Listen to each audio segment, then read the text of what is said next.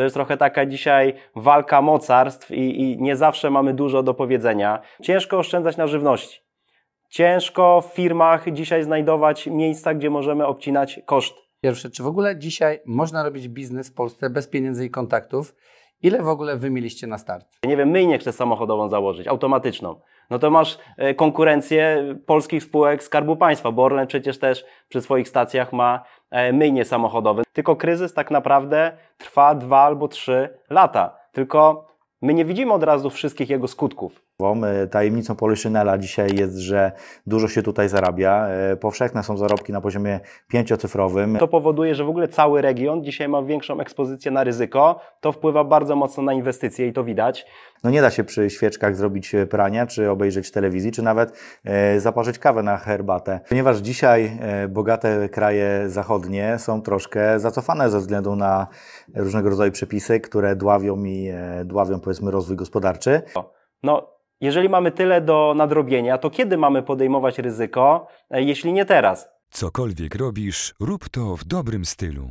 Lancerto, partner biznes misji. Partnerem odcinka jest Hokomo, producent domów modułowych. Wejdź na hokomo.pl i wybierz swój wymarzony dom. Feed Group. Nowoczesne kamienice gwarancją przyszłości. Witam wszystkich bardzo serdecznie. Dzisiaj moimi gośćmi Paweł Bednarek, prezes Columbus Allied i Rafał Kołątaj, wiceprezes. Bardzo się cieszę, że mogliśmy się spotkać. Wiem, że jesteście właścicielami i prezesami ogromnej firmy, jak się dowiedziałem. Cześć Łukasz, dziękujemy za zaproszenie. Witamy wszystkich Państwa. Też witam wszystkich serdecznie. Witam Łukasz, witam wszystkich, którzy oglądają Twój kanał. Mamy dużo pytań, więc e, jakby idąc do przodu, chciałem zapytać pierwsze, czy w ogóle dzisiaj można robić biznes w Polsce bez pieniędzy i kontaktów? Ile w ogóle wy mieliście na start? E, wiesz co, Łukasz, no powiem tak, no pewnie miło i przyjemnie dzisiaj byłoby opowiedzieć o tym, że można tworzyć dużą firmę bez kontaktów, bez kapitału, bez doświadczenia. No, niestety nie jest to takie proste. Rzeczywistość często wygląda trochę inaczej. E, I u nas było tak, że my, gdy startowaliśmy, to no nie tylko nie mieliśmy kapitału, nie tylko nie mieliśmy e, jakichś większych znajomości, tylko startowaliśmy na minusie. Dlatego, że no, idąc tym normalnym, klasycznym systemem, czyli szkoła, liceum, studia, ty nie kończysz z nadwyżką finansową, nie kończysz jako milioner, czy w ogóle z jakąkolwiek e, górką, tylko kończysz na minusie, no bo albo spłacasz potem kredyt studencki, E, albo twoi rodzice musieli wziąć kredyt, żebyś ty mógł w ogóle e, studiować. Więc no, początki u nas były takie, że trzeba było wychodzić na prostą. Trzeba było się troszkę oduczać w ogóle tego, co nas nauczyła szkoła, bo wiele rzeczy nie miało nic do, e, jakby nie miało nic wspólnego z rzeczywistością, z realnym światem, czy już w ogóle mówiąc o prowadzeniu firmy. Natomiast, żeby tak odpowiedzieć, czy kiedyś było łatwiej, czy dzisiaj jest łatwiej, czy z kontaktami, czy z z pieniędzmi na start, to opowiem taką historię. Jak e, miałem kilkanaście lat, to wychowywałem się takich typowych polskich blokach, w mniejszej miejscowości, miałem dużo znajomych, no i ci moi znajomi robili, znaczy ich rodzice robili różne rzeczy. No ktoś był murarzem, ktoś pracował w fabryce, e, ktoś e, jeździł autobusem, no i wszyscy mniej więcej żyliśmy na podobnym poziomie. Natomiast kto y, myśli, że miał wtedy na tym naszym osiedlu, na tym blokowisku, kto był najbardziej zamożny? No myślę, że jesteś lekarze, prawnicy. No akurat na moim blokowisku nie było lekarzy i, i prawników, natomiast był kolega, którego ojciec prowadził sklep spożywczy. No i oczywiście, żeby wystartować z tym sklepem, no potrzebował jakiś kapitał, potrzebował jakieś kontakty. E, natomiast 500 metrów dalej, jakby jego jedyną konkurencją to był inny przedsiębiorczy sąsiad, który otworzył podobny sklep. No i mija kilkanaście lat od e, tej sytuacji. E, dzisiaj w mojej okolicy też jest podobny sklep, e, tylko jedna rzecz się zmieniła. Oczywiście kapitał jest potrzebny, jakieś kontakty są potrzebne, tylko ten sklep już nie konkuruje z innym sąsiadem, który po prostu wystartował z takim projektem, tylko konkuruje z gigantycznymi korporacjami, często z zachodnimi firmami, takimi jak Kaufland, Lidl, Biedronka, Żabka, które umówmy się, mają nieograniczony kapitał i nieograniczone zasoby. Czyli niby ten sam biznes, no ale zmieniają się zasady gry. No i teraz, bo, bo też e, rozmawiamy na temat tego, jak wystartować, e, jak rozpocząć swój pierwszy biznes. Wiele młodych osób się nad tym zastanawia. No i na przykład myślimy o tym, nie wiem, będziemy ściągać elektronikę z Chin. Kiedyś też to próbowałem robić, tylko problem jest taki, że już dzisiaj na wejściu, kiedy startujesz, e, masz gigantyczną konkurencję, masz wielkie firmy, które zbudowały swoją pozycję. Załóżmy, chcesz coś robić na czasie, czyli sprzedawać przez internet obuwie czy na przykład ubrania. No i też startujesz od razu na wejściu masz e, gigantów, którzy zbudowali swoją pozycję. Nie wiem, myjnie chcesz samochodową założyć, automatyczną. No to masz e, konkurencję polskich spółek Skarbu Państwa, bo Orlen przecież też przy swoich stacjach ma e, myjnie samochodowe. No i tak trochę gdzie nie spojrzysz, to się okazuje, że przez te kilkanaście lat wiele branż zostało zagospodarowanych, wiele branż ma już duże podmioty. Oczywiście możemy w nie wejść, możemy startować, możemy próbować, tylko już na wejściu jest jakaś ściana. No i my też z Rafałem musieliśmy w pewnym momencie sobie odpowiedzieć na pytanie, będąc na tych studiach, jak tutaj żyć. No jak e, stać się przedsiębiorcą? No oczywiście mogliśmy iść na etat do korporacji, no ale trochę nas to nigdy nie interesowało. E, mogliśmy na przykład otworzyć jakiś biznes franczyzowy, e, chociaż też się umówmy, no te duże sieci franczyzowe jak McDonald's, 30 lat w Polsce, też trochę są obstawione. No, ktoś to otwierał 20-25 lat temu restaurację i to jest biznes, który dobrze działa, ma pierwszeństwo, otwiera drugą, trzecią, czwartą, piątą, zresztą bariera wejścia to też są miliony złotych. No albo można znaleźć jeszcze jedną metodę, czyli na przykład wyszukiwać różnego rodzaju nisze. Czyli branże, które są na takim etapie zalążkowym, które jeszcze nie są rozwinięte i jakby dążyć do tego, żeby zbudować swoją pozycję przez ten czas, przez te kilka pierwszych lat, y, samemu stać się na tyle dużym, zbudować odpowiednie zasoby, przyciągnąć właściwych ludzi, żeby w momencie, kiedy rynek się zaczyna konsolidować, profesjonalizować, stabilizować, być trochę tym podmiotem, który przyciąga innych. No i my tak trochę z Rafałem to robimy właściwie od kilkunastu lat. Najpierw pracowaliśmy dla polskiej firmy w podobnym modelu. E, potem otworzyliśmy swoją pierwszą spółkę gdzieś z 9 lat temu w Polsce. Zresztą bardzo szybko też e, rozwinęliśmy biznes zagraniczny w Rumunii. E, no i od czterech lat tworzymy jeszcze większy rynek, czyli budujemy firmę w modelu, gdzie szukamy niszy, ale też oferujemy system franczyzowy z niską barierą wejścia, czyli pracujemy w branży energetycznej. Liczby są całkiem przyzwoite jak na te 4 lata, bo e, zdobyliśmy 30 tysięcy klientów o wartości gdzieś miliarda złotych. Natomiast no jakby nie to jest najważniejsze, bo to byłoby niemożliwe, gdyby nie ten system skalowania i system franczyzowy. E, dzisiaj ponieważ branża energetyczna jest ciekawa, no ale umówmy się, troszkę już jest poukładana. E, wiele osób może chcieć wejść w tą branżę, ale nie chce ryzykować tych milionów na start, nie chce budować swojej logistyki, zaplecza, e, magazynów, całego systemu pracy. No i tak w tym modelu, który, w którym my dzisiaj działamy i się skalujemy, bez ryzyka tych milionów, można zarabiać te miliony, no bo już wypłaciliśmy 150 milionów złotych prowizji dla naszych współpracowników. Więc e, podsumowując, można wystartować bez kapitału, można wystartować bez zaplecza. No my to zrobiliśmy z Rafałem, co prawda zajęło to 15 lat. Generalnie uważam, że z uwagi na to, że wiele branż się nasyca, jest to z każdym rokiem coraz trudniejsze, bądź można szukać różnych rozwiązań, współprac z dużymi firmami, e, jakichś takich możliwości franczyzowych, żeby bez tego ryzyka kapitału po prostu wystartować, no i spróbować swoich sił. No dobrze, a możesz mi powiedzieć, ile u Was pracuje osób? Bo jak słucham i widzę to, co się dzieje tutaj z tyłu, to to jest naprawdę sztab ludzi u Was pracuje. Ile dzisiaj, bo mówimy o tych, że kiedyś było może łatwiej, bo dzisiaj wchodzą giganci, ale Wam się udało w ostatnich latach zrobić giganta, więc e, da się dzisiaj też robić duży biznes. Wiesz co, oczywiście można od zera, chociaż to nie jest tak, że to się dzieje w miesiąc, w tydzień e, czy w rok, tylko e, jest to kilkanaście lat pracy często, które jest potrzebne. Jeżeli chodzi o obecny projekt, cała grupa kapitałowa to jest ponad tysiąc osób. Jeżeli chodzi o naszą spółkę, E, która również jest częścią tego dużego projektu, no to mamy dzisiaj około 500 osób na pokładzie. Ogromna firma, wow, jest naprawdę pełen szacunek. A powiedzcie mi, czy po drodze mieliście w ogóle jakieś wzorce, którymi moglibyśmy się inspirować dzisiaj? Wy się inspirowaliście? Powiem Ci, Łukasz, że takich osób było trochę. E, głównie to było kilkanaście lat temu, jak przeglądaliśmy sobie listy Forbesa, listy wprostu, setki najbogatszych Polaków, tylko że my nie znaliśmy osobiście tych, tych ludzi. Z drugiej strony to były osoby, które podrabiały się e, w mniej lub bardziej legalny sposób, to już nie wnikam w te kwestie, ale jednak na przełomie lat 80. i 90. W związku z tym dla nas jako młodych chłopaków, tam lata 2000, no to było ciężko do zmodelowania. E, też nie pochodzimy z takich rodzin, gdzie biznes był wielopokoleniowy, przekazywany z dziadka na syna, z syna potem na wnuka. Takie rzeczy miały miejsce za granicą, gdzieś na Dalekim Zachodzie, nawet, nawet w Stanach Zjednoczonych. W związku z tym, z jednej strony te inspiracje, te, te postacie, te przykłady tego, że kapitalizm działa, owszem, w Polsce było, można było sobie tworzyć tą listę, zobaczyć nazwiska, zainspirować się oczywiście tymi osobami. Z drugiej strony nie było do tego dostępu. E, w związku z tym nasz wzrok trochę pokierował się właśnie na te zachodnie kraje e, i można powiedzieć, że ok, no odległe modele, zupełnie inaczej rynki te funkcjonowały, kompletnie inne branże, też inne czasy wtedy trochę były, ale z drugiej strony była to inspiracja, że można jakiś taki biznes tworzyć od zera, e, nie trzeba, nie trzeba gdzieś używać nie wiadomo jakiegoś kapitału, można swoją ciężką pracą do tego systemu dojść. No i to były takie inspiracje w tamtym czasie dla nas, z jednej strony odległe, ale z drugiej strony coś mieliśmy. Prawda jest taka, że w tamtym czasie Łukasz musieliśmy wszystkiego uczyć się tak naprawdę sami. E, trochę byliśmy pionierami, dystrybuowaliśmy polski produkt dla polskiej firmy i to było ciekawe.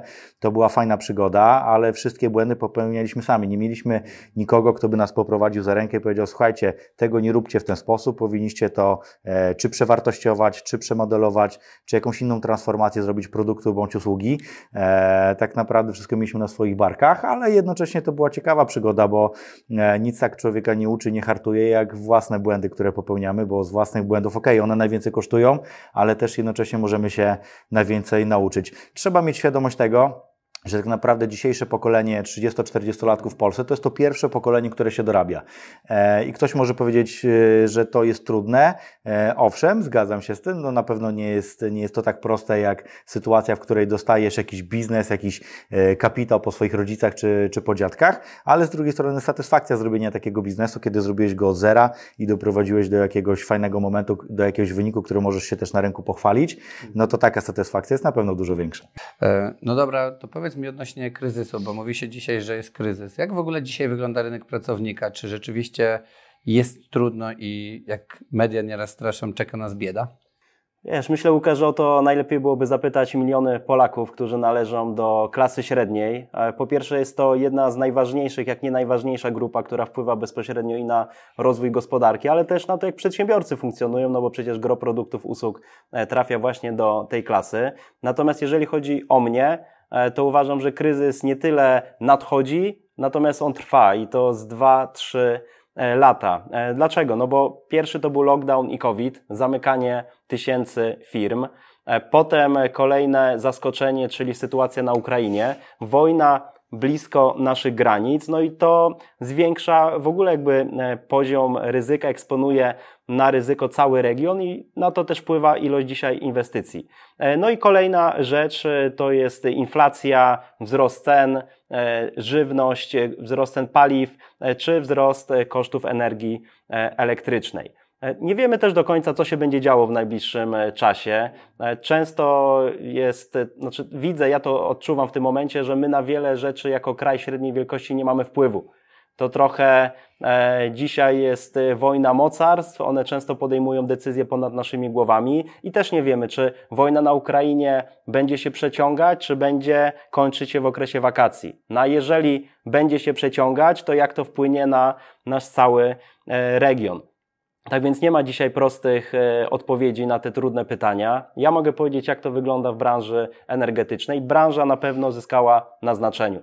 E, wynika to nie z faktu, dlatego że e, wpływamy na ochronę środowiska, czy powodujemy, wpływamy na kwestie globalnego ocieplenia, tylko chodzi tak naprawdę o to, że dzisiaj każde gospodarstwo domowe cierpi, firmy cierpią, każdy stara się redukować koszty, optymalizować je, e, bądź szukać oszczędności. No i tutaj rzeczywiście realnie technologia, którą dzisiaj mamy, ma bezpośredni wpływ i może pomagać zarówno firmom, jak i gospodarstwom e, domowym. Jeżeli chodzi w ogóle o kwestię samego kryzysu, to jest trochę tak, że kryzys napędza pewne trendy, które miały miejsce, ale nie były tak widoczne. No na przykład y, kwestia e, pracy zdalnej czy elastycznych godzin pracy. To bardzo mocno się rozwinęło w czasie COVID-u. A dzisiaj umówmy się, no ten cały chaos, który ma miejsce, to nic innego właśnie jak walka o wpływy, walka mocarstw, staranie się o zdobycie jak najlepszej pozycji, jeżeli chodzi o przepływy strategiczne,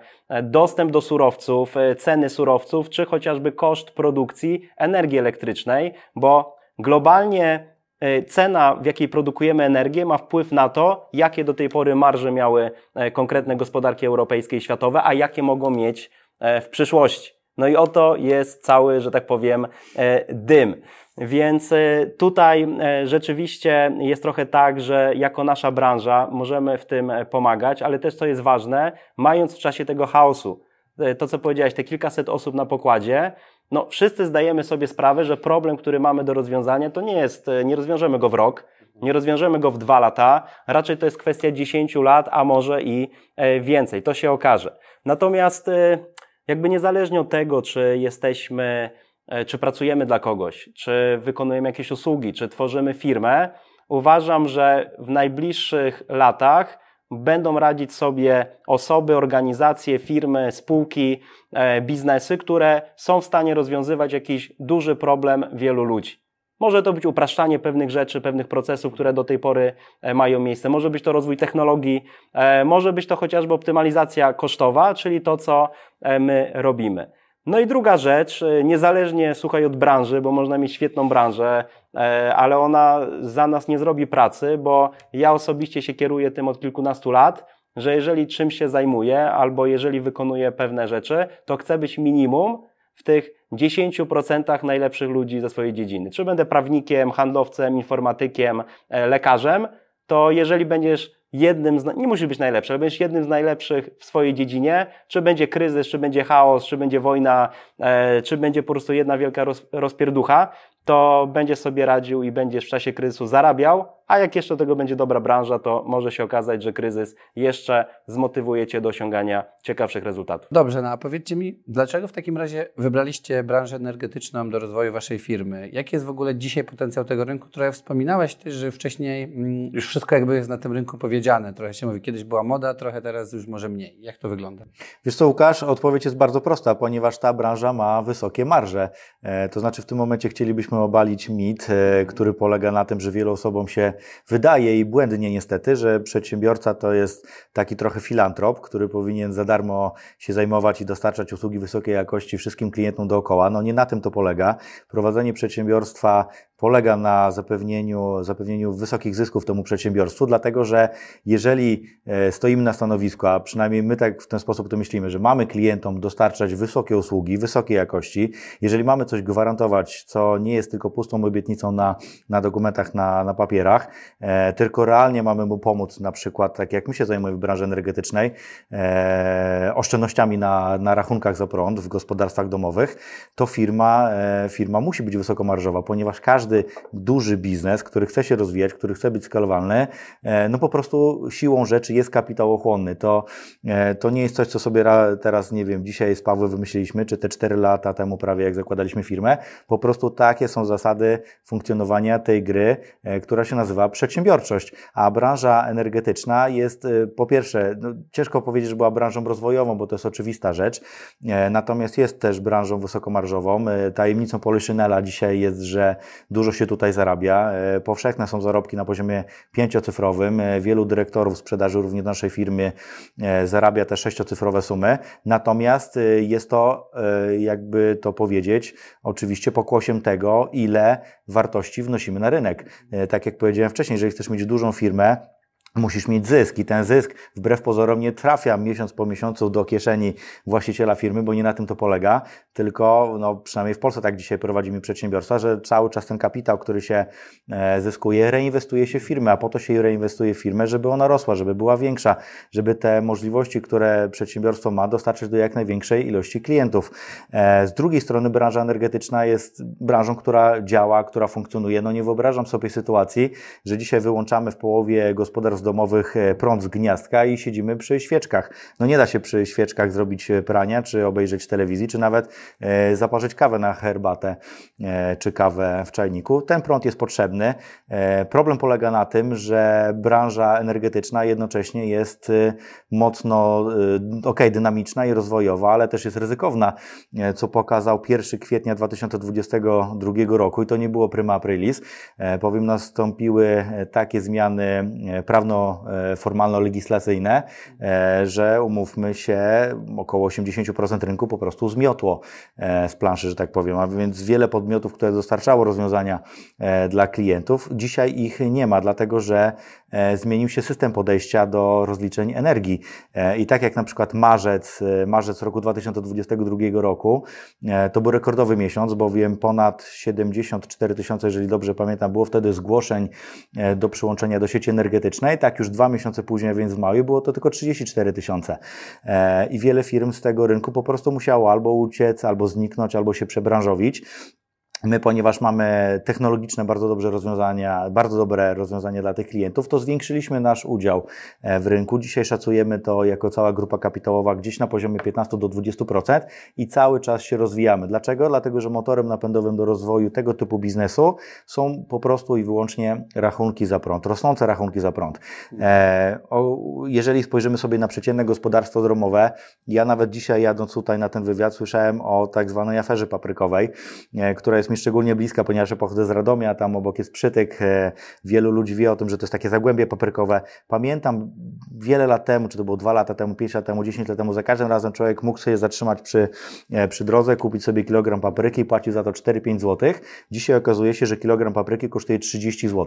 To mówimy o tej jednej kwestii, gdzie inne produkty, gdzie paliwo e, i rachunek za prąd w tym gospodarstwie domowym jest jedną z bardziej dotkliwych kwestii. To, czym my się zajmujemy, to jesteśmy w stanie ulżyć klientowi z tym rachunkiem, zmniejszyć go, może nie do zera, bo tam są, e, tam są pewne opłaty, które są niezmienialne, e, Natomiast ten rachunek rośnie. Od nowego roku my też notujemy wzrosty pozysku naszych klientów. Coraz więcej klientów bezpośrednio też do nas się zgłasza. E, chcą mieć zainstalowane jakiś produkt z branży z branży odnawialnych źródeł energii, czy to fotowoltaika, czy pompa ciepła, czy magazyn energii, właśnie ze względu na to, żeby użyć sobie w ramach rachunków, e, rachunku domowego e, za prąd. E, I tym się głównie zajmujemy, tym się zajmuje branża energetyki, a jednocześnie nie tylko w Europie, ale na całym świecie widzimy trend, który który zmierza w kierunku tej transformacji, ekotransformacji do zielonej energii. Oczywiście branża odnawialnych źródeł energii nie jest w stanie całkowicie zastąpić zapotrzebowania energetycznego e, na świecie, natomiast jest to znaczący udział i wiemy, że i widzimy też, że, że przepisy prawne, które przychodzą z Unii Europejskiej, które bezpośrednio trafiają na tutaj nasz grunt, odzwierciedlają się w tym, że, że mamy te możliwości dla klientów. E, drugą płaszczyzną, taką, która jest dosyć też istotna, e, niezależnie od tego, kto jakie ma poglądy polityczne, to trzeba sobie jasno powiedzieć o tym, że dotacje, które są i funkcjonują od czterech lat w postaci chociażby mojego prądu, zdecydowanie pomagają e, podjąć decyzję zakupową e, w gospodarstwie domowym. Mhm, bardzo ciekawe. A jakie w ogóle macie podejście do ryzyka w biznesie? Bo jak ja Was słucham, to myślę, że bardzo duże, ale chciałem zapytać, czy lepiej działać ostrożnie, czy podejmować ryzyko w dzisiejszych czasach? Wiesz, Łukasz, no my od samego początku tej swojej drogi zawodowej E, no, świadomie zdecydowaliśmy się na to, żeby podejmować większe ryzyko. No bo wchodziliśmy, jak nie mieliśmy kapitału, nie mieliśmy kontaktów, no to trzeba było wchodzić w branżę na etapie zalążkowym. Więc to samo z siebie generowało ryzyko. No pierwsze pięć lat pracowaliśmy dla polskiej firmy, gdzie dystrybuowaliśmy produkty. W 2014 roku bez kapitału, bez doświadczenia, bez tych kontaktów, e, szalony pomysł, otwieramy spółkę, która będzie walczyć e, z dużymi e, korporacjami, odzyskiwać należności. E, no i ryzyko się opłaciło, bo po kilku latach odzyskaliśmy dla naszych klientów około 100 milionów złotych. No i wtedy sami staliśmy się tymi przysłowiowymi milionerami. Kolejne ryzyko. 2017 rok wchodzimy z kolejnym projektem na rynek zagraniczny. Lecimy do Bukaresztu, do Rumunii, otwieramy tam biuro. Nikt nie ma oczywiście pojęcia, jak to robić. E, no i co? I zatrudniamy miejscowych prawników, budujemy dział sprzedaży, budujemy procesy, e, poznajemy osoby, które tam e, działają. No i kolejne, kolejne przygody, bo nagle się okazuje, że interesują się nami służby, które tam w tamtym kraju funkcjonują, bo nie wiedziały, kto my jesteśmy. Jakieś chłopaczki się nie przedstawiły, nie powiedzieli, co są jakieś funduszu, są inwestorami, są jakimiś przedsiębiorcami, a my po prostu, wiesz, z kapitałem 100 tysięcy złotych lecimy do Rumunii i tam odpalamy e, biznes, więc jakby tych ryzyk na naszej drodze zawsze było bardzo dużo, natomiast to, co jest ważne, wtedy podejmowane ryzyka pozwala, pozwalają dzisiaj te ryzyka minimalizować. I to trochę tak działa, bo gdyby nie to doświadczenie, gdyby nie te e, kompetencje, te, te przygody, no to cztery lata temu byśmy dobrze nie określili rynku, w którym dzisiaj działamy, który był no, wschodzący wtedy bardzo. Dzisiaj jest już troszkę poukładany. Nie przyciągnęlibyśmy najlepszych ludzi z branży do siebie, nie pozyskalibyśmy inwestora i naszego partnera strategicznego. Zresztą po, pozdrawiam Dawida Zielińskiego i po prostu to wszystko nie byłoby możliwe. Zresztą tak w kwestii wiesz, samego ryzyka, to nie wiem, czy wiesz, ale dzisiaj w wielu krajach na zachodzie 60 albo nawet 70% nowych milionerów po prostu staje się nimi, bo dziedziczy e, majątek po rodzinie, po rodzicach. To jest całkowicie odwrotnie do tego, co się dzieje u nas, bo my się dopiero dorabiamy. No u nas wolna gospodarka to jest 30 lat, a w wielu krajach zachodnich to jest kilkaset lat. No i teraz zastanawiając się, czy warto podejmować ryzyko. No, jeżeli mamy tyle do nadrobienia, to kiedy mamy podejmować ryzyko, e, jeśli nie teraz? Kto by miał to robić, jeśli nie my dzisiaj? No jeżeli mamy takie postrzeganie, no ja przynajmniej takie mam, że chcemy żyć w kraju bezpiecznym, ale nie tylko z perspektywy fizycznej, ale takim, który daje możliwości, daje perspektywy, bez względu czy prowadzisz firmę, czy pracujesz na etacie, e, czy robisz, tworzysz jakieś usługi. E, chcesz tu mieszkać, wiesz, że kraj daje możliwości, daje perspektywy, to musimy to ryzyko podejmować. Musimy nadrabiać te stracone lata. Oczywiście yy, można, to, można budować doświadczenie, jak zarządzać tym ryzykiem. Można wyciągać wnioski z, te, z tego ryzyka po to, żeby dzisiaj właśnie e, pracować e, w sposób bardziej, można powiedzieć, zorganizowany. E, natomiast jestem totalnie zdania, że to jest czas, kiedy musimy to ryzyko podejmować i nauczyć się, że życie i funkcjonowanie przedsiębiorcy z tym z podwyższonym ryzykiem nie musi cię paraliżować, tylko wręcz może cię motywować, może dać ci energię, e, może powodować, że wstajesz rano i chcesz rozwijać siebie, swój biznes i ludzi, którzy z tobą współpracują. Zdecydowanie się zgadzam na małą skalę, ale też ten event, który właśnie niedawno miałem, to nigdy bym tego nie podjął, było taki ogromny stres, ryzyko i tak jakby idąc na głębokie wody dla mnie zrobiłem, a teraz naprawdę wow, nie? Jestem z siebie nawet dumny, że, że jakby podjąłem i coraz mniej zaczynam się bać. To jest takie chyba fajne, że jak się robi ten biznes, to coraz mniej się boimy i dalej możemy więcej, więcej, więcej ryzykować, jak przejmiemy tą barierę i to jest chyba takie bardzo Wiesz, ciekawe, co powiedziałeś. Kiedyś usłyszałem takie zdanie, no, no nie chcę, żeby to zaleciało cytatem motywacyjnym, ale żeby gdzieś podążać w tym kierunku, gdzie czujemy strach i czujemy ryzyko. Mhm. Oczywiście, trzeba to dostosować do e, jakby swoich warunków, ale coś w tym jest i, i ty po prostu wiesz, poszedłeś tam, gdzie było ryzyko, tam, gdzie był strach, a dzisiaj, no jak się czujesz po naprawdę, tym evencie? No, wow, no widzicie jeszcze wow, naprawdę.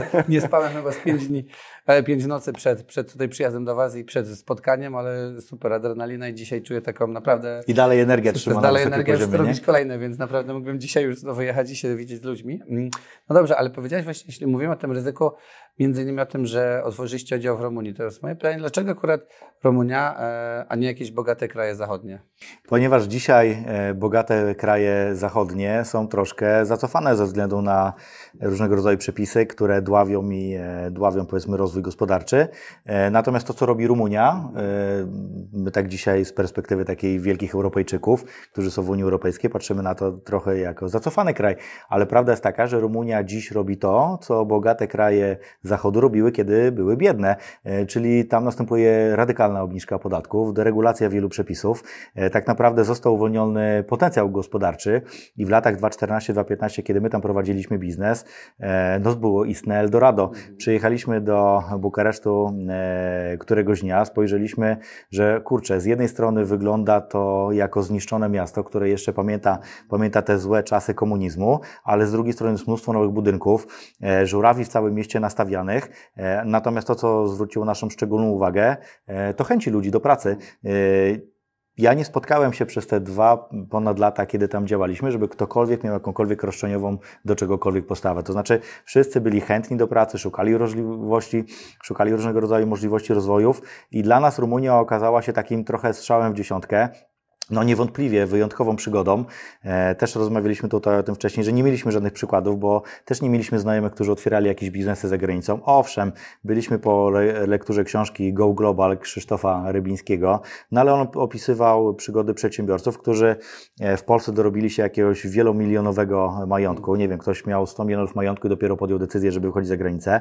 E, my tak naprawdę swoim kapitałem, który, który żeśmy sobie uciułali troszeczkę małą łyżeczką w Polsce, porwaliśmy się z motyką na słońce, wyjechaliśmy do tej Rumunii, mówimy ok, dla nas to będzie dziki zachód, ale spróbujemy zawojować ten rynek. Udało się, postawiliśmy spółkę, mieliśmy swój dział prawny, działy handlowe, e, działało to i funkcjonowało. E, także ciekawa przygoda, polecam każdemu wyjście takie za granicę. Nawet gdyby miało się to komuś nie udać, to i tak doświadczenie, które zebraliśmy przez tamte lata, e, powoduje, że dzisiaj też to monetyzujemy e, w biznesie, który prowadzimy w Polsce. Słuchaj, nie jest to proste prowadzić biznes za granicą, szczególnie w sytuacji, kiedy to nie jest kraj, gdzie naturalnie mówi się po angielsku, ponieważ ich angielski jest ze szkoły, mój angielski ze szkoły i weź prowadź sobie w ten sposób firmę. Natomiast rzeczywiście dużym ułatwieniem było to, że, że osoby, z którymi współpracowaliśmy, bo tak sobie zorganizowaliśmy ten zespół e, ludzi, z którymi prowadziliśmy ten biznes, były maksymalnie nastawione na to, żeby się rozwijać, chciały czegoś więcej od życia. E, my dostarczaliśmy narzędzia do tego i gdzieś to w tamtym momencie fajnie zaskoczyło. Pamiętajmy o tym, że byliśmy wtedy chłopaczkami takimi, nie 26-27 lat na karku, e, a porywamy się z motyką na słońce, jedziemy za wielką zagranicę e, i to niekoniecznie do Wielkiej Brytanii e, czy, czy do Norwegii na zbierać truskawki, tylko postanowiliśmy sobie, że kurde, stawiamy poprzeczkę wysoko e, i zobaczymy, co z tego wyjdzie. E, dla nas, dla nas to była fantastyczna, niesamowita, niezapomniana przygoda, która wiele, wiele nas nauczyła. Oczywiście musieliśmy się uczyć na własnych błędach, bo jakżeby inaczej. Nikt nam nie powiedział, jak taki biznes e, prowadzić. Nikt nam nawet nie wspomniał, że w sumie najlepiej to byłoby znaleźć inwestora w Polsce, który nam pomoże. E, nie wiedzieliśmy tego. Dzisiaj już wiemy, jesteśmy mądrzejsi o tę wiedzę. Znaleźliśmy właśnie zajebistą firmę, kapitalnego inwestora, e, super ziomka, Dawida, z którym wspólnie e, prowadzimy całą grupę E, kapitałową Columbus. I rozwijamy się na tym rynku już nie tylko w Polsce, ale także teraz te doświadczenia tak naprawdę przerzucamy na kraje takie jak Czechy, być może otworzymy Słowację i inne kraje, to tę niespodziankę sobie zostawmy na najbliższe tygodnie czy miesiące. No ja trzymam kciuki, będzie Go Global, kolejna globalna firma z Polski, już wiem jaka będzie, trzymam kciuki i, i myślę, że zamiar z tym, tym ryzykiem kierunku. to na pewno, jak to co pokazujecie, to, to jest tylko kwestia czasu. Tak? Co z ryzykiem też można się oswoić. E, my wychodzimy z założenia, że każdy ma gdzieś tam jakiś strach e, podskórny, żeby podejmować duże, trudne decyzje, mhm. szczególnie jak się prowadzi przedsiębiorstwo, biznes, kiedy masz odpowiedzialność na sobie e, za, za nie wiem, setki pracowników czy współpracowników, tak jak jest to w naszym przypadku. E, natomiast no, ze strachem też można się oswoić i, i uważam, że nawet należy go przezwyciężać, bo człowiek wtedy się hartuje, kiedy ma przed sobą jakieś tam trudności do pokonania. Zdecydowanie. A powiedzcie mi, czy rozwiązania, które właśnie dzisiaj oferujecie, to jest trochę moda, jak ostatnio niektórzy mówią, czy to jest przymus, czy może to jest potrzeba, która jest dzisiaj już coraz bardziej realniejsza? Trochę powiedzieliście, że no jednak potrzebujemy tego, ale jak to w ogóle dzisiaj jest? Jest to, to się troszkę zmienia na e, linii czasu, bo jak zaczynaliśmy 4 lata temu, to cała technologia dla wielu osób była nowością. Nie każdy rozumiał, jak działa produkcja energii ze słońca i e, inwestycji dokonywały głównie osoby, które były zafascynowane technologią. I to trzeba jasno powiedzieć. To byli tacy pionierzy rynku. Potem rzeczywiście coraz więcej osób korzystało z tych rozwiązań. E, mogliśmy widzieć te rozwiązania w naszym sąsiedztwie, w rodzinie, u kolegów. E, widać było, że instalacje też na siebie zarabiają, więc powstała moda. Natomiast powiem Ci, że dzisiaj nie ma mody. E, dzisiaj wszystko się zmieniło o 180 stopni, e, dlatego że wszyscy cierpimy na obecnym kryzysie, e, wszyscy szukamy oszczędności i trochę zostaliśmy postawieni przed ścianą. Ponieważ nie, trzeba mieć świadomość, że my nie na wszystkie, nie na wszystkie można oszczędzać. Mhm. Ciężko oszczędzać na żywności. Ciężko w firmach dzisiaj znajdować miejsca, gdzie możemy obcinać koszt. Natomiast cena energii elektrycznej i koszty ogrzewania, istnieje dzisiaj sprawdzona technologia na całym świecie, e, również w Polsce, która pozwala e, takie inwestycje dokonywać, no i również dzięki temu e, oszczędzać. Oczywiście cały system energetyczny składa się z wielu etapów. No mówimy o tych największych projektach, jak chociażby energia atomowa, Tutaj dużo się mówi o tym w Polsce, chociaż zobaczymy na ile nasi sąsiedzi nam pozwolą z tej technologii korzystać, bo to też e, różnie, e, różnie bywa i to widzimy w tej sytuacji e, konfliktu na Ukrainie, tego kryzysu. Mamy te systemy średniej wielkości, czyli farmy fotowoltaiczne i tutaj też jesteśmy bardzo aktywni jako grupa. No i również mamy te najbardziej popularne, te najbardziej dostępne, czyli te domowe. W Polsce korzysta dzisiaj już z nich ponad milion osób. E, kilka milionów jest do zagospodarowania, to jest rynek, który e, czeka e, na nas, no ale też mamy zagranicę, tak? Mamy właśnie spółkę czeską, za chwilę będą kolejne, więc no jest co robić. Natomiast no rynek też się zmienia. To, o czym też mówiliśmy, Wiele firm dzisiaj e, z tego rynku wyszło z różnych powodów. Niektóre firmy, które miały potencjał do wzrostu, podzieliły się na mniejsze. No i też staramy się to monitorować, obserwować, być aktywnym. Prowadzimy rozmowy chociażby ze spółkami, żeby inwestować w nie środki, być może razem robić e, projekty. Mam już takie doświadczenia zresztą z akwizycji z rynku, ale też zgłasza się do nas dużo zespołów handlowych, sprzedażowych, które chciały mieć silnego partnera i po prostu z nami e, budować tą branżę. Niezależnie od tego, jak się rynek będzie rozwijał, czy to będzie moda, potrzeba, e, czy to będzie przymus, najważniejsze dzisiaj jest to, żebyśmy wspólnie działali na rzecz odpowiedniego kosztu, po jakim jesteśmy w stanie tą energię produkować. E, oto dzisiaj rozgrywa się cała gra wpływów. To decyduje, na jakich marżach pracują gospodarki, a jeżeli do tego dołączymy niezależność, pewnego rodzaju autonomię, no to też nie będziemy musieli liczyć na pomoc sąsiadów, którzy może nam pomogą w tej kwestii, a może w pewnym momencie po prostu przestaną nam pomagać. Mhm. Historycznie właśnie bywało różnie, więc lepiej liczyć na siebie. E, dobrze, a przygotowując się przeczytałem, że wypłaciliście ponad 150 milionów złotych wynagrodzeń dla sieci sprzedaży właśnie w niecałe 4 lata. Ja chciałem zapytać, jak skutecznie skalować biznes, by dojść do takich liczb, bo one są imponujące i może jak uniknąć jakichś pułapek e, właśnie podczas takiego tworzenia takiej dużej sieci? Znaczy my wychodzimy z założenia, że nie da się zbudować, e, czy to w tej branży energetycznej, w której my działamy, czy jakiejkolwiek innej, dużego biznesu, jeżeli nie zgromadzisz wokół siebie zespołu ludzi, e, którzy są wysokiej jakości, specjalistów w swojej dziedzinie, w swojej branży, niezależnie od tego, czy masz branżę software'ową i potrzebujesz zatrudniać programistów, czy, czy sprzedajesz, nie wiem, samochody, frytki, różnego rodzaju inne rzeczy, no prowadzenie biznesu polega na tym, że musisz mieć wokół siebie dobrych ludzi. Jak masz słabych ludzi, e, to cała energia, którą prowadzisz ty, bo nie wiem, ty jako właściciel firmy możesz mieć super energię do tego, żeby prowadzić tą firmę na, e, wyprowadzić ją na szerokie wody, ale jeżeli nie masz dobrych ludzi, specjalistów, którzy znają się na swoim fachu, e, no nie będziesz w stanie tego zorganizować. I teraz dobrych ludzi, żeby zorganizować do swojej firmy, no to też się umówmy, dobre osoby znają swoją wartość, jak znają swoją wartość, też oczekują wysokich stawek. Zatem, jeżeli jesteś w stanie zorganizować wysokie stawki dla, e, dla dobrych osób, przyciągniesz, przyciągniesz je wtedy do firmy. E, efektem ubocznym tego, e, tego, tego sposobu myślenia o rozwoju firmy jest oczywiście główna kwestia polegająca na tym, że dla tych super dobrych osób, wyjątkowo wyjątkowo ambitnych, e, rzetelnych w pracy, takich, które nie wyłączają telefonu o 16.05, kiedy wychodzą z pracy, e, jest, jest taki fakt, który polega na tym, że po prostu takie osoby, ok, chcą dużo zarabiać, ale kwestia finansowa nie jest dla nich wyłącznym motywatorem. E, dzięki temu zyskujesz osoby, które chcą się rozwijać, e, które chcą pracować w perspektywicznej branży. My w ramach Columbus Elite, który prowadzimy już tutaj prawie 4 lata, owszem, wypłaciliśmy 150 milionów prowizji żywej gotówki dla handlowców. To jest ponad, ponad 500 osób teraz mamy na pokładzie, którymi zarządzamy tak naprawdę i z którymi współpracujemy. Natomiast no, było to okupione tysiącem godzin szkoleń, bo jeżeli chcesz mieć też osoby osoby w firmie, które są profesjonalistami, które są zawodowcami, musisz też dla nich zorganizować środowisko pracy. Naszym takim środowiskiem pracy e, są innymi szkolenia, których organizujemy kilkadziesiąt w skali miesiąca, a tak naprawdę prowadzimy je regularnie w kilkunastu miastach w całej Polsce. I to jest ten jeden fundament, tak? Czyli musimy mieć dobrych ludzi, dobrze opłacanych, wtedy oni będą czuli motywację do pracy, e, będą rozumieli, w którym kierunku ten wielki statek płynie, a takie osoby też, też chcą współpracować z firmami, które nie, nie otworzyły się tylko po to, żeby się po dwóch miesiącach zamknąć, e, tylko mają takie poczucie, że ok, no jeżeli tu też poświęcamy swój czas, swoją energię, e, coś chcemy fajnego osiągnąć, no to warto związać się z firmą, e, która ma perspektywy, perspektywy rozwoju na kolejne dekady. I drugim takim fundamentem oczywiście jest kapitał w postaci zaufania. Jeżeli coś obiecujemy klientom, no to warto tę obietnicę dowozić.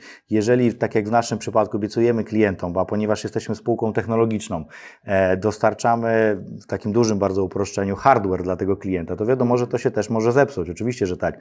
Tak jak psuje się telefon komórkowy, jak ma prawo zepsuć się laptop, e, tak samo, nie wiem, instalacja fotowoltaiczna ma prawo, e, nie wiem, po kilku latach wyskoczyć jakiś, jakiś fuck up.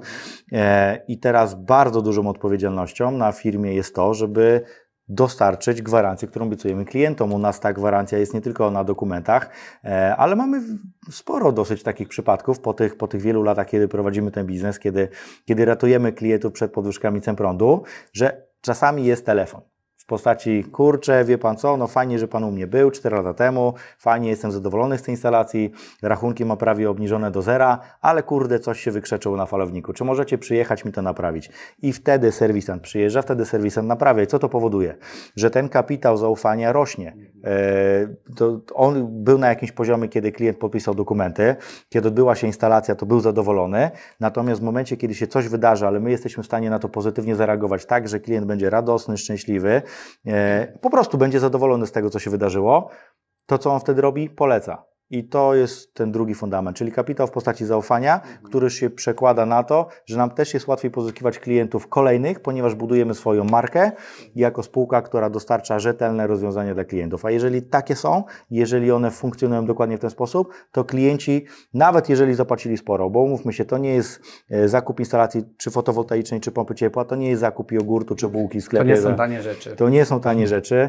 E, klient ma też świadomość, że to jest, e, to jest zakup, który ma Y, ma, mu funkcjonować czy działać y, przez kolejne kilkanaście czy kilkadziesiąt lat i on nawet oczekuje tego, y, że gwarancja, którą mu dostarczamy, będzie realizowana. Ale jeżeli będzie realizowana, to zyskujemy ten kapitał w postaci w postaci właśnie marki e, rzetelnej, dowożącej, dowożącej te wyniki. Dzięki temu też jesteś, jesteś, e, jesteśmy łatwiej w stanie pozyskiwać kolejnych klientów i tak się to rozwija. Więc te dwa elementy, te dwa fundamenty, jeżeli są spójne ze sobą, e, to dopiero wtedy firma gdzieś może się na rynku rozwijać. Bardzo fajnie, że powiedziałeś w biznesie, że was, ważny ten customer experience, że właśnie po, nawet po paru latach coś się stanie, że ten serwis działa, bo rzeczywiście to jest dzisiaj ważne. Dużo firm zapomina, chce sprzedać, zarobić kasę, zapomnieć. Nie? Jak coś się już dzieje, i trzeba się zwrócić, no to już się zaczynają schody. Y, kluczową rzecz powiedziałeś, Łukasz. Ja myślę, że boom na fotowoltaikę, który był rozpoczęty gdzieś tam 3-4 lata temu, spowodował, że powstało sporo podmiotów y, na rynku, które właśnie działały dokładnie w oparciu o ten model, o którym powiedziałeś, czyli y, sprzedać i zapomnieć. I najlepiej potem nie odbierać telefonów od klienta.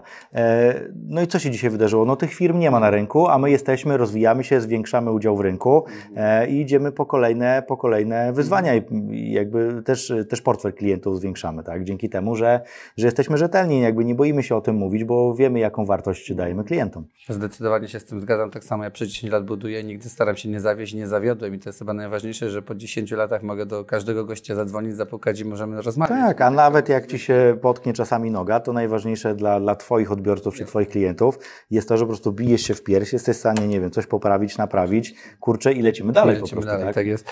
Powiedzcie mi Panowie, jak z inwestycjami, bo kanał Biznes Misja też inwestycje i w ogóle w co wy inwestujecie nadwyżki swoich pieniędzy? Jeżeli chodzi o kwestie inwestycji, to tutaj z Rafałem jesteśmy bardzo spójni. E, inwestujemy ładnych parę lat, a tak naprawdę od 2015 roku w nieruchomości. E, też e, taki przykład, bo wtedy tworzyliśmy tą swoją pierwszą spółkę, gdzie osiągnęliśmy pewne rezultaty, e, pojawiły się nadwyżki finansowe, no i to był, mieszkaliśmy w Radomiu, no to wtedy w 2015 roku pamiętam swoją pierwszą nieruchomość inwestycyjną e, na rynku wtórnym do remontu, kupowałem po 2000 zł z metra. No dzisiaj totalna abstrakcja i ceny niedostępne, natomiast tak w tym czasie ten rynek się rozwinął. Dlaczego nieruchomości? Z prostego powodu. Oprócz tego, że jest to lokata kapitału, e, długofalowo nieruchomości mniej więcej rosną e, z inflacją, jeżeli chodzi o wartość i wycenę, są w miarę płynne, e, dają dodatkowy przepływ pieniężny. Można też to tak zorganizować, żeby działał w, sposób, w pewien sposób pasywnie, to nie rozpraszają. Bo teraz, jeżeli my od 2015 roku zajmujemy się biznesem i to jest nasz core i jesteśmy skupieni, zaangażowani, to no nie możemy sobie pozwolić na to, żeby wstawać rano, e, pierwsze co robić to odpalać telefon i patrzeć, czy dane aktywo poszło w górę, w dół, czy się zmieniła wycena, e, a czy o 15 e, się kończy sesja, zamyka i tak dalej, i tak dalej. Więc na to sobie nie możemy pozwolić. Pierwsze lata, jeżeli chodzi o nieruchomości, no to ten 2015-16 to było eksperymentowanie. E, to jeszcze był taki etap, gdzie może nie budowaliśmy samego portfela e, swoich nieruchomości, tylko zdarzał się jakiś obrót e, różnych rzeczy, tak? Małych mieszkań, dużych, nawet domy się zdarzały do wykończenia, natomiast zauważyliśmy, że to zabiera nam za dużo czasu. I nie o to chodzi, bo chcemy rozwijać firmę. Więc dzisiaj jest to po prostu rozbudowa portfela. Tego samego też uczymy E, naszych współpracowników. No nie jest tajemnicą, że w branży energetyki można bardzo dobrze zarabiać i czasami się zdarza, że ktoś, kto jest e, bardzo dobrze sobie radzi w biznesie, po kilku miesiącach buduje pewną nadwyżkę, no to uczymy go, tak? Poczekaj z tymi przyjemnościami, odłóż e, to na później. Dokonaj pierwszej inwestycji, czy to w nieruchomość, w której sam będziesz mieszkał, czy to w pierwszą nieruchomość inwestycyjną. Niezależnie od tego, że sami inwestujemy, to ja widzę taką rzecz, która no, jednak mnie niepokoi, bo widzę, że w ostatnich okresie dwóch, trzech lat bardzo mocno zmienia się struktura własności. I to widać mocno na rynku nieruchomości. Pamiętam jeszcze 2-3 lata temu taka osoba, która pracowała mniej więcej za średnią krajową. U Was w firmie na przykład. U nas w firmie, y, czy też y, gdziekolwiek indziej, bo u nas no też jakby te e, zarobki, umówmy się, w budowaniu organizacji, one no często są wyższe, ale mhm. oczywiście zależą od zaangażowania. Natomiast była w stanie zbudować kapitał na wkład własny na mieszkanie. Oczywiście był to kredyt, była część e, kapitałowa, była część odsetkowa, natomiast był budowany ten osobisty majątek. Dzisiaj cały ten kapitał przesunął się na rynek najmu. E, oczywiście możemy korzystać z mieszkania, e, możemy w nim mieszkać, tylko nie budujemy w żaden sposób e, swojego osobistego majątku. Ktoś powie, no dobrze, ale przecież na zachodzie to wszyscy wynajmują. No tak, wynajmują, bo w pewnym momencie ceny w stosunku nawet do zarobków na zachodzie już tak mocno wybiły, że niestety te mieszkania nawet dla ludzi na zachodzie są niedostępne. Dlatego uważam, że warto zrobić wszystko w perspektywie dwóch, trzech lat, póki jeszcze te ceny są dostępne, szczególnie na tych takich zwanych mieszkaniach startowych, 30, 40, 50 metrów, e, żeby zrobić wszystko, żeby jednak tą swoją własną nieruchomość na własny użytek mieć, no bo być może za kilka lat, e, no tak to się mocno, mocno podzieli, że niestety mieszkania dla młodych ludzi już dostępne e, nie będą. No ale to wszystko w naszych rękach, nie ma co liczyć na pomoc państwa, nie ma co liczyć na pomoc rządu, tylko po prostu trzeba zakasać rękawy e, i zarabiać na swoje pierwsze na swoją pierwszą nieruchomość. No dobrze, prawie kończąc, czy jeśli byście dzisiaj wszystko stracili dopiero wchodzili na rynek pracy, czego byście zaczęli swoją karierę zawodową? No ja myślę, że warto najpierw sobie odpowiedzieć na pytanie, czy lubisz kontakt z ludźmi, czy go nie lubisz. E, ja akurat e, studiowałem na Politechnice, jestem inżynierem i tak przewrotnie trochę powiem, mianowicie jeżeli nie lubisz kontaktu z ludźmi, nie czujesz się z tym komfortowo, no nie odnajdujesz się kompletnie w tym, to może warto właśnie pójść na jakąś Politechnikę, nauczyć się programować. Mam wielu znajomych, którzy nie siedzą tutaj w Polsce, tylko wykształcili się w tym kierunku, pojechali sobie do Malezji e, i ich biurko nie wygląda tak jak nasze dzisiejsze, tylko to jest hamak, laptop i jakoś funkcjonują, myślę, kiedy w, oko, w okolicznościach przyrody masz palemki, masz słoneczko i przyjemne morze, tak? Nie, nie musisz się użerać, że tak powiem, szarpać z ludźmi, niektórzy w ten sposób na to patrzą i to być może jest jakiś kierunek rozwoju, jak najbardziej polecam, co komu w duszy gra. E, natomiast e, ja bym zajął się jeszcze raz tym samym, co robimy. Mianowicie poszedłbym do jakiejkolwiek firmy i nauczył się sprzedawać. Jeżeli lubisz kontakt z ludźmi, jeżeli Cię to, nie wiem, pasjonuje albo chciałbyś się w tym kierunku rozwijać, to to jest najprostsza forma i najprostsza droga do tego, żeby się w ogóle dzisiaj nie tylko w Polsce, ale myślę, że w Europie i na całym świecie dorobić. Tak, jest wiele firm, e, które mają świetne, fantastyczne produkty albo oferują kapitalne usługi dla swoich klientów, e, tylko umówmy się, żadna firma E, żadna firma nic nie znaczy, jeżeli nie potrafi swojego produktu sprzedać na rynku. No to taka osoba, która potrafi sprzedawać, czy robisz to w ramach e-commerce, czy robisz to w sprzedaży bezpośredniej, ale jeżeli z, z, z, masz te umiejętności miękkie, jeżeli potrafisz negocjować, jeżeli jesteś asertywny, e, potrafisz się komunikować, przekonywać do swoich racji drugą stronę, drugą osobę, kurde, zawsze znajdziesz zatrudnienie i to myślę, że wysoko płatne. Także jeżeli mielibyśmy zaczynać od zera, ja bym poszedł tą samą drogą. Ona się opłaciła, mamy dzisiaj, mamy dzisiaj doświadczenie związane z tym, że to była dobra decyzja. Polecam każdemu, bo dużo się nauczycie i pomoże Wam to na pewno w dorosłym życiu. Nie tylko w życiu zawodowym, ale myślę też przydadzą się te wszystkie umiejętności w życiu prywatnym. Paweł, Rafał, ja jestem naprawdę pod wrażeniem Waszej wiedzy, tego sukcesu, który zbudowaliście i trzeba powiedzieć, że naprawdę czapki z głów. Trzymam kciuki za to, żeby to była kolejna firma globalna. To, co robicie jest naprawdę... No jestem pod wrażeniem, także bardzo Wam dziękuję. Cieszę się, że mogliśmy dzisiaj porozmawiać na ten temat. Dziękujemy Łukasz, że nas odwiedziłeś w naszym biurze. I to, co widzę i tych ludzi, to naprawdę byłem, byłem pod wrażeniem. Pracowałem w korporacjach, ale przeogromne biuro, przeogromny sukces. Dwóch gości z Polski robię takie rzeczy. Sami zobaczcie, także do zobaczenia i cześć. Pozdrawiamy serdecznie. My po prostu robimy swoje. Dziękujemy bardzo. Cześć.